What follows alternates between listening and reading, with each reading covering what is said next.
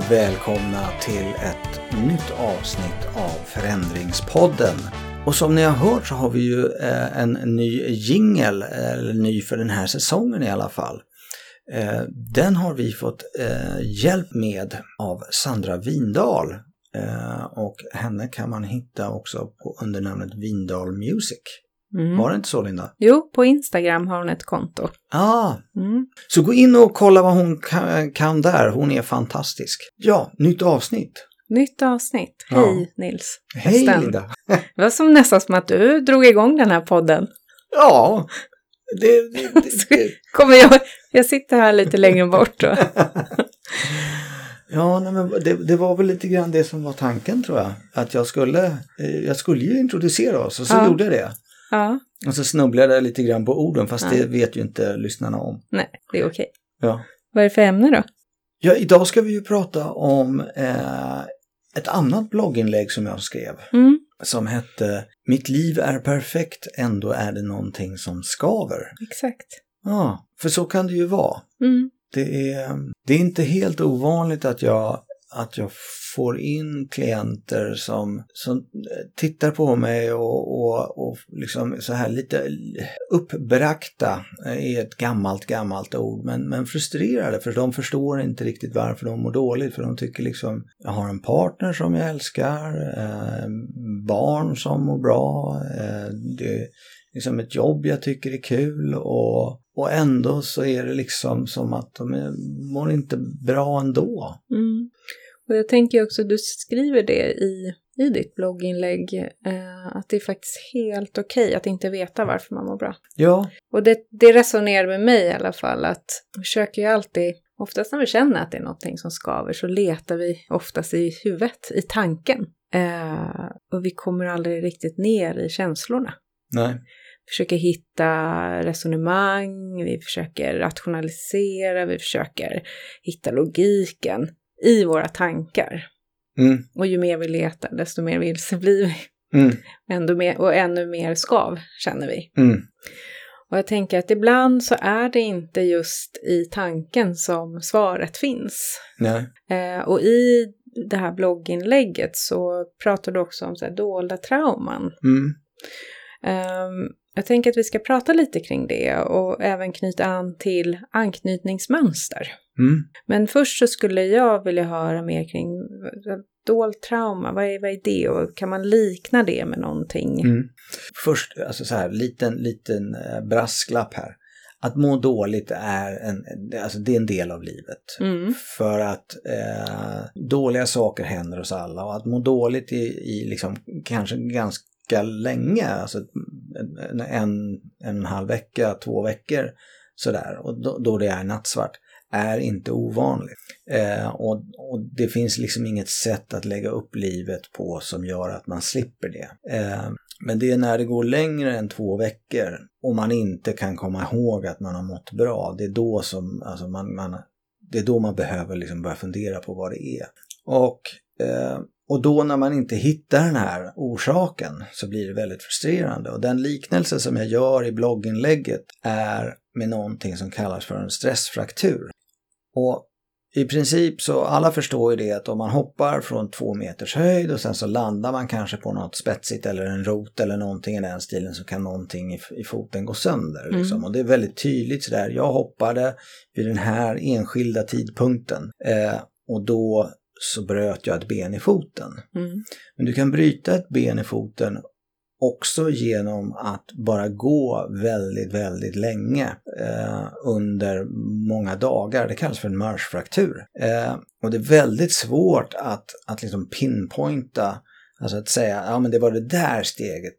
Hade jag inte tagit det steget, då hade jag inte brutit det här benet. Va? Mm. Utan det är det är den, den sammanlagda effekten av alla stegen. Och på samma sätt Eh, fungerar dolt trauma. Att även om du inte har varit med om någonting väldigt traumatiskt eller även om du inte har liksom växt upp med, med misshandel eller missbruk eller någon av de här konkreta grejerna som liksom, ja men jag hade minsann en sån här barndom därför så, så har det den, så mår jag så här idag. Så kan du ha varit med om många saker under lång tid som stressar dig och det lämnar spår. Eh, alltså, och, och då, då kan det vara väldigt svårt att se att det var specifikt det här eh, som, som gjorde att jag mår så här idag. Och, och, och oftast är det ju, alltså vi, de här grejerna kan ligga 25 år tillbaks i tiden och eh, det är ju, det är kanske inte någonting som man tänker på. Eh, det var, det liksom, det, det, man upplever det som att man hade en, en normal barndom. Mm. Eh, och, i, och i någon mening hade man det. Eh, men men alltså, vi påverkas alla av vår barndom. Och, och, och, vi går alla omkring och bär på saker som, som liksom plågar oss. Mm. frågan är väl egentligen, alltså, när blir det då när blir det då ett problem? Mm. Och det är när du säger att det blir ett, när du upplever att det blir ett problem. När mm. det här står i vägen för din förmåga mm. att leva ditt liv som, mm. som du vill. Ja, och även om du inte vet vad det är som orsakar det där skavet ja. så, fi så finns det ändå en anledning att ta det på allvar. Absolut. Och det är det här som jag vill knyta eller koppla på mm. eh, våra anknytningsmönster. Mm. Och då vill jag börja med att prata om våra, liksom, ett barns grundläggande behov. Mm. Och eh, det är ju att man upplever att man blir sedd, blir hörd, eh, blir bekräftad, blir förstådd och blir tagen på allvar. Sen är det ju så att verkligheten ser inte ut så att våra föräldrar eller vi som föräldrar alltid kan tillgodose de här behoven hos våra barn till 110 procent. Eh, för livet består ju av så mycket mer än bara eh, att vara med, med barnen eller ja. tillgodose dem. Men vi säger mellan 70-80 procent tillgodosedda behov då. Mm. Så får man liksom en upplevelse av att man känner sig ganska trygg. Mm. Och när du är trygg i din anknytning till exempelvis din, eh, ja, men till din eh, ursprungsfamilj. Mm. om det är en mamma, mamma, pappa eller mamma, mamma eller pappa, pappa. Oavsett, en, en, en trygg vuxen. Mm. När du känner att du blir bemött så skapar du också en, en trygg anknytning. Vilket också gör att du har lättare att läsa av människor och du har också en, en tilltro till dig själv. Att mm. du kan ta hand om dina egna behov. Mm. Oavsett om den där du möter inte är trevlig eller eh, att du har en dålig dag mm. eh, eller en dålig vecka så vet mm. du att det här är en del av livet. Jag vet att det är tufft men jag kommer hantera det. Mm. Eh, om du inte känner eller om du inte upplever att det här blir tillgodosett Uh, du kanske fått höra att jag, uh, du, kanske, uh, du kanske inte upplevt att du har blivit tröstad när du har behövt eller eh, blivit lyssnad på i sammanhang där du verkligen har velat haft en vuxens trygghet. du kanske däremot har blivit väldigt upphöjd för att du är så självständig. Så ett barn som då upplever att jag har ingenting att hämta här, jag behöver förstå själv. Jag börjar skapa mig min egen sanning för att jag får tänka ut själv hur jag ska vara för att överleva i den här världen. Ska man säga att det kan vara som ett undvikande eller otryggt undvikande mm. anknytning. Eh, och allt funkar ju så länge det funkar. Mm. Om du blir självständig så klarar du av att lösa alla dina problem för du har lärt dig det. Mm. Um, alltså det, det, finns ju väldiga uppsidor med, med att vara en sån person. Absolut. Men sen så kommer du i sammanhang där du är beroende av andra människor. Eh, så det finns ju liksom både tjänande och begränsande sidor i allt det här. Och det vill jag också. Jag pratar inte bara problem, jag pratar om hur det kan bli. Mm. Eh, låt säga att du träffar en partner och den här partnern uppskattar din självständighet. Eh, du blir bekräftad igen i din självständighet. Men det kanske kommer situationer där du behöver din partner och part partners närhet och kärlek och tröstan. Men du har inte lärt dig hur du ska be om det. Nej. För hur ska jag be om det om jag aldrig har fått uppleva att det är naturligt, mm. eh, då blir det ett problem. Mm. Och här kan man ju se då...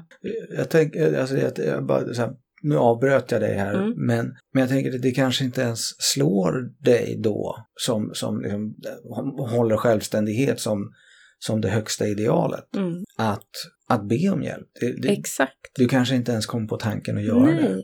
Men du, du, du kan också hamna då i ett läge där du blir lite av ett offer. Mm. Där du också tänker att men min partner borde väl kunna se att jag mm. behöver hjälp. Mm. Men du har inte förmågan att be om hjälp. För att det är lika med att visa sig svag. Det här är ett exempel av många mm. såklart. Men det är ett konkret exempel. Apropå det här med skapet. Mm. Jag har det bra, vi har, vi har en fin familj och vi lever ett bra liv. Men jag känner kanske inte att jag blir sedd alla gånger eller lyssnad på. Och det kopplar man direkt till att partnern inte förstår. Mm. Men kopplar det sällan till att uttrycker jag mitt behov? Mm. Så att det är ett sätt att se på att livet kan vara jättefantastiskt och härligt, eh, men, det, men det kan skava också. Mm. Och det här kan vara ett exempel på ett skav kopplat till mitt anknytningsmönster. Mm. Och det som är det fina med det här är att du kan alltid skapa nya anknytningsmönster. Mm. För du kan lära om. Mm. Eh, och vi har pratat om det förut så här, gör tvärtom. Mm. Mm. Eh, det är samma sak här. Om jag vill nå min partner, om jag vill att min partner ska börja förstå mig, så bör jag börja kommunicera mina behov. Vi, vi, det är väldigt få av oss som är eh, duktiga på att, att läsa andras tankar med någon mm. slags eh, precision. Eh, så att eh, om, om man har man en partner så får man nästan utgå ifrån att den partnern vill en väl. Mm. Men det gör de ju inte till, till tankeläsare på något sätt. Så att, att om de ska ha en chans att, att visa att, att de älskar en mm. så behöver man ju tala om för dem vad man behöver. Ja. Jag tänkte på en sak som du sa tidigare, det här med, med 70-80 procent. Mm. Det finns ju när man säger så eh, så finns det ju naturligtvis en hel del människor som reagerar på att eh, 70% är ju inte i närheten av tillräckligt. Eh, jag ska nå 100%. Eh, en hel del av oss är ju rätt tävlingsinriktade. Mm. Och vi vill ju alla vara bra föräldrar. Mm. Men bara för att illustrera liksom så här svårigheten och varför perfektion inte är uppnåbart så är det ju det att samma barn kommer att ha olika behov i samma situationer. Mm. Beroende på vad de har varit med om tidigare. Mm. Eh, så det är väldigt svårt att även om du bara har ett barn att i varje läge avgöra exakt vad den vad, vad ditt barn behöver. Mm. Eh, så du går på instinkt mm. eh, och du försöker och du gör ditt bästa. Och gör du det så är 70-80% ungefär vad man kan räkna med. Mm. Sen får du två barn och nu så är det liksom, nu så reagerar de olika i samma situation. De behöver olika saker. Mm. Eh, det här med när, när man liksom lär sig att cykla till exempel så är ju att det ingår att man ramlar. Mm. Och det är läskigt mm. när du är fem år och ska lära dig cykla. Och så ramlar du. Och då är det så att i, i vissa lägen så behöver barnet höra Nej men det där var inte så farligt, upp på cykeln igen. Och sen så i nästa sekund så ramlar de och, och, visar upp exakt samma beteende och den här gången så behöver de att man kramar om dem. Mm. Och hur ska, hur ska, alltså som sagt, vi är inte tankeläsare. Det finns ingen möjlighet för en förälder att, att navigera genom det här multiplicerat med alla situationer och antal barn man har. Alltså det, det är inte uppnåbart. Nej, och, och det är inte och det är inte eftersträvansvärt heller. För, för att bara tillgodose barnens behov hela tiden, det blir ju också ett sätt att liksom kudda upp mm som gör också att barnet inte får utrymme att få utforska själv. Nej. Det, det är ju, om vi, om vi utforskar den där tanken lite till. Mm. Tänk nu att vi faktiskt har ett, en, en, ett, ett, barn här som växer upp med två stycken tankeläsande föräldrar. Mm. Som alltid är där och svarar upp mot barnens behov till 100 procent. Mm. Men vi tänker att de här två föräldrarna är de enda i världen som faktiskt klarar, har den här förmågan. Mm. Eh, hur väl förberett är det där barnet på att få sina behov frustrerade när det kommer ut sen i den verkliga världen med normala människor som inte kan läsa tankar och som, som kanske inte går omkring och bara tänker på, på det här barnets behov. För så, mm. så ser vi ut väldigt mycket. Alltså vi, vi tänker ju inte, alltså vi blir medvetna om omgivningens behov men du har dina egna behov och de är också viktiga. Mm. Eh, och ibland så blir det konflikter mm. där. Eh, så ser världen ut. Eh, ibland så blir det missförstånd. Det behöver man kunna hantera på ett, på ett rimligt, vuxet, eh, balanserat sätt. Mm. Så att man inte fullständigt flippar ur varje gång ens behov inte blir tillfredsställda, det minsta lilla. Eh, då, eh, så, så, man, gör man skulle inte göra barnet en tjänst om, om man faktiskt kunde svara upp mot behoven. Nej, och för en del av en, en människas utveckling är ju att också förstå andras behov. Mm. Så att det, det här, när jag pratar om liksom ett barns grundläggande behov, mm. då är det ju det primära, alltså det mm. som, för du är dig själv närmast tills du börjar kunna klara dig själv mm. till en viss ålder. Så då kommer du vara egoist och behöva få de här till, eh, behoven tillgodosedda. Eh, men självklart, eh, det här är ju Anknytningsteori kan man läsa väldigt mycket om. Mm. Och det är ju en sanning av många. Det finns mm. många teorier kring ja. utvecklings, mm. alltså en människas utvecklingsresa. Mm. Eh, men jag tycker att i det här ämnet som vi pratar om så är anknytningsteori ganska intressant att utforska och prata om. Mm. Just kring när man kommer till en punkt i livet där man känner att allt är bra men det skaver. Eh, och där jag och du har samma hållning kring att det är helt okej okay att inte veta varför det skaver mm. innan du ber om hjälp. Ja, en annan sån här sak som jag, som jag tänker är ju att alltså, terapi är bra men det finns en hel del grejer som sådär kan göra själv. Mm. Eh, alltså, det, det, viktigaste är att man, man ska inte gå omkring och liksom känna att Mår man dåligt så är det liksom, det, det är så här livet är. Mm. Eh, har du mått dåligt i flera veckor, då behöver du göra någonting. Mm. Ta, dig, alltså, ta det på allvar. Mm. Eh, alltså ta dig själv på allvar. Ja. För du är viktig. Ja. Alltså alla förtjänar att må bra. Mm. Och, och, sen finns det perioder i livet som är tuffare mm. än andra och vi möter motgångar och då, alltså vi, då, då, då mår man dåligt. Men just det här att liksom, är det någonting som skaver så fundera på vad är det?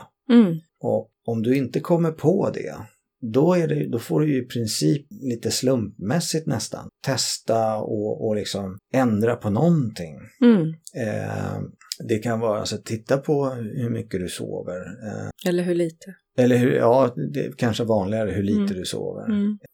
Om du känner att någonting skaver och sen så vet du att du liksom, du har inte egentligen tränat på, på tre år. Va? Eh, fundera på att börja röra på dig lite mer. Mm. Eh, eller skaffa en hobby eller prata med någon eller sådär. Mm. Eh, börja prata med kompisar. Mm. Eh, det, viktiga, det viktiga är att inte acceptera att ja, men det är så här livet ser ut. Så här, jag mår skit mm. och det är så det ska vara. För alltså, börja, börja göra någonting. Och är det så att du till slut efter att ha testat ett antal försök, liksom, ett antal olika grejer som du tror och du känner, nej men nu, alltså jag har testat allt jag kommer på. Mm. Så här, jag mår fortfarande dåligt. Ja, då, kanske man, då, då, då kanske man kan behöva hjälp. Mm. Jag tänker att en terapeut är ju ändå en person, eller bör vara en person, mm. eh, där, som ger dig utrymme att tänka högt. Mm, det är väldigt bra sagt faktiskt. Ja, för jag tänk, tänker här är allt tillåtet.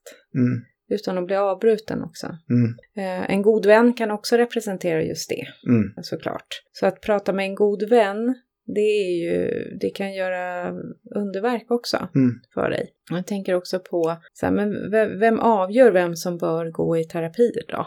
Det är det jag tänker på när folk, som jag sa i början här, när, när klienter kommer och, och, och nästan frågar om de får gå i terapi. Eh, så är det, alltså de, de vill ha min bekräftelse på att de, så mm. att säga, och, det, det, och jag känner det, det, är inte jag som ska, det är inte jag som ska svara på den frågan utan det faktum att du själv känner att du behöver, du kan stanna där, mm. det räcker. Du behöver inte få eh, bekräftelse ifrån från eh, någon läkare eller din make eller eh, en, en terapeut eller din kompis eller något som, för, dina föräldrar. Här, det är inte de som mår. De mm. lever inte ditt liv. De, mm. de, kan inte se med dina ögon. Så den enda som kan avgöra, det är du själv. Jag skulle säga så här, för du sa det så väl. Eh, upplever du att du går under en längre tid och känner det här mm. skavet eller att du inte mår bra. Titta på vad du själv kan göra för justeringar mm. i din vardag. Mm. Kopplat till sömn, kopplat till eh, fysisk rörelse, eh, prata med en vän. Eh, är det så att du fortfarande mår dåligt, sök hjälp. Mm. Vilken jättebra sammanfattning, Linda. Ja, fantastiskt. Helt taget ur mitt eget huvud. ja, men då är det nästan så att vi wrappar upp där tror jag. Mm. Och som vanligt, har ni eh, någonting som ni vill säga till oss så kan ni nå oss på eh, Förändringspodden på Facebook. Eh, ni kan naturligtvis blogga i, eller blogga säger jag, men ni kan, ni kan kommentera i kommentarsfältet. Eh, vill ni inte vara fullt så publika så går det också att kontakta oss via Messenger där. Eh, annars så är det ju bara att söka om ni, alltså ni kan googla på, på oss båda, Nils Holmlöv eller Linda Windahl. Eh, så hittar ni oss på nätet. Så tack för oss den ja, här gången. Tack för idag och så hörs vi om ett tag. Ja. Hej! Hej!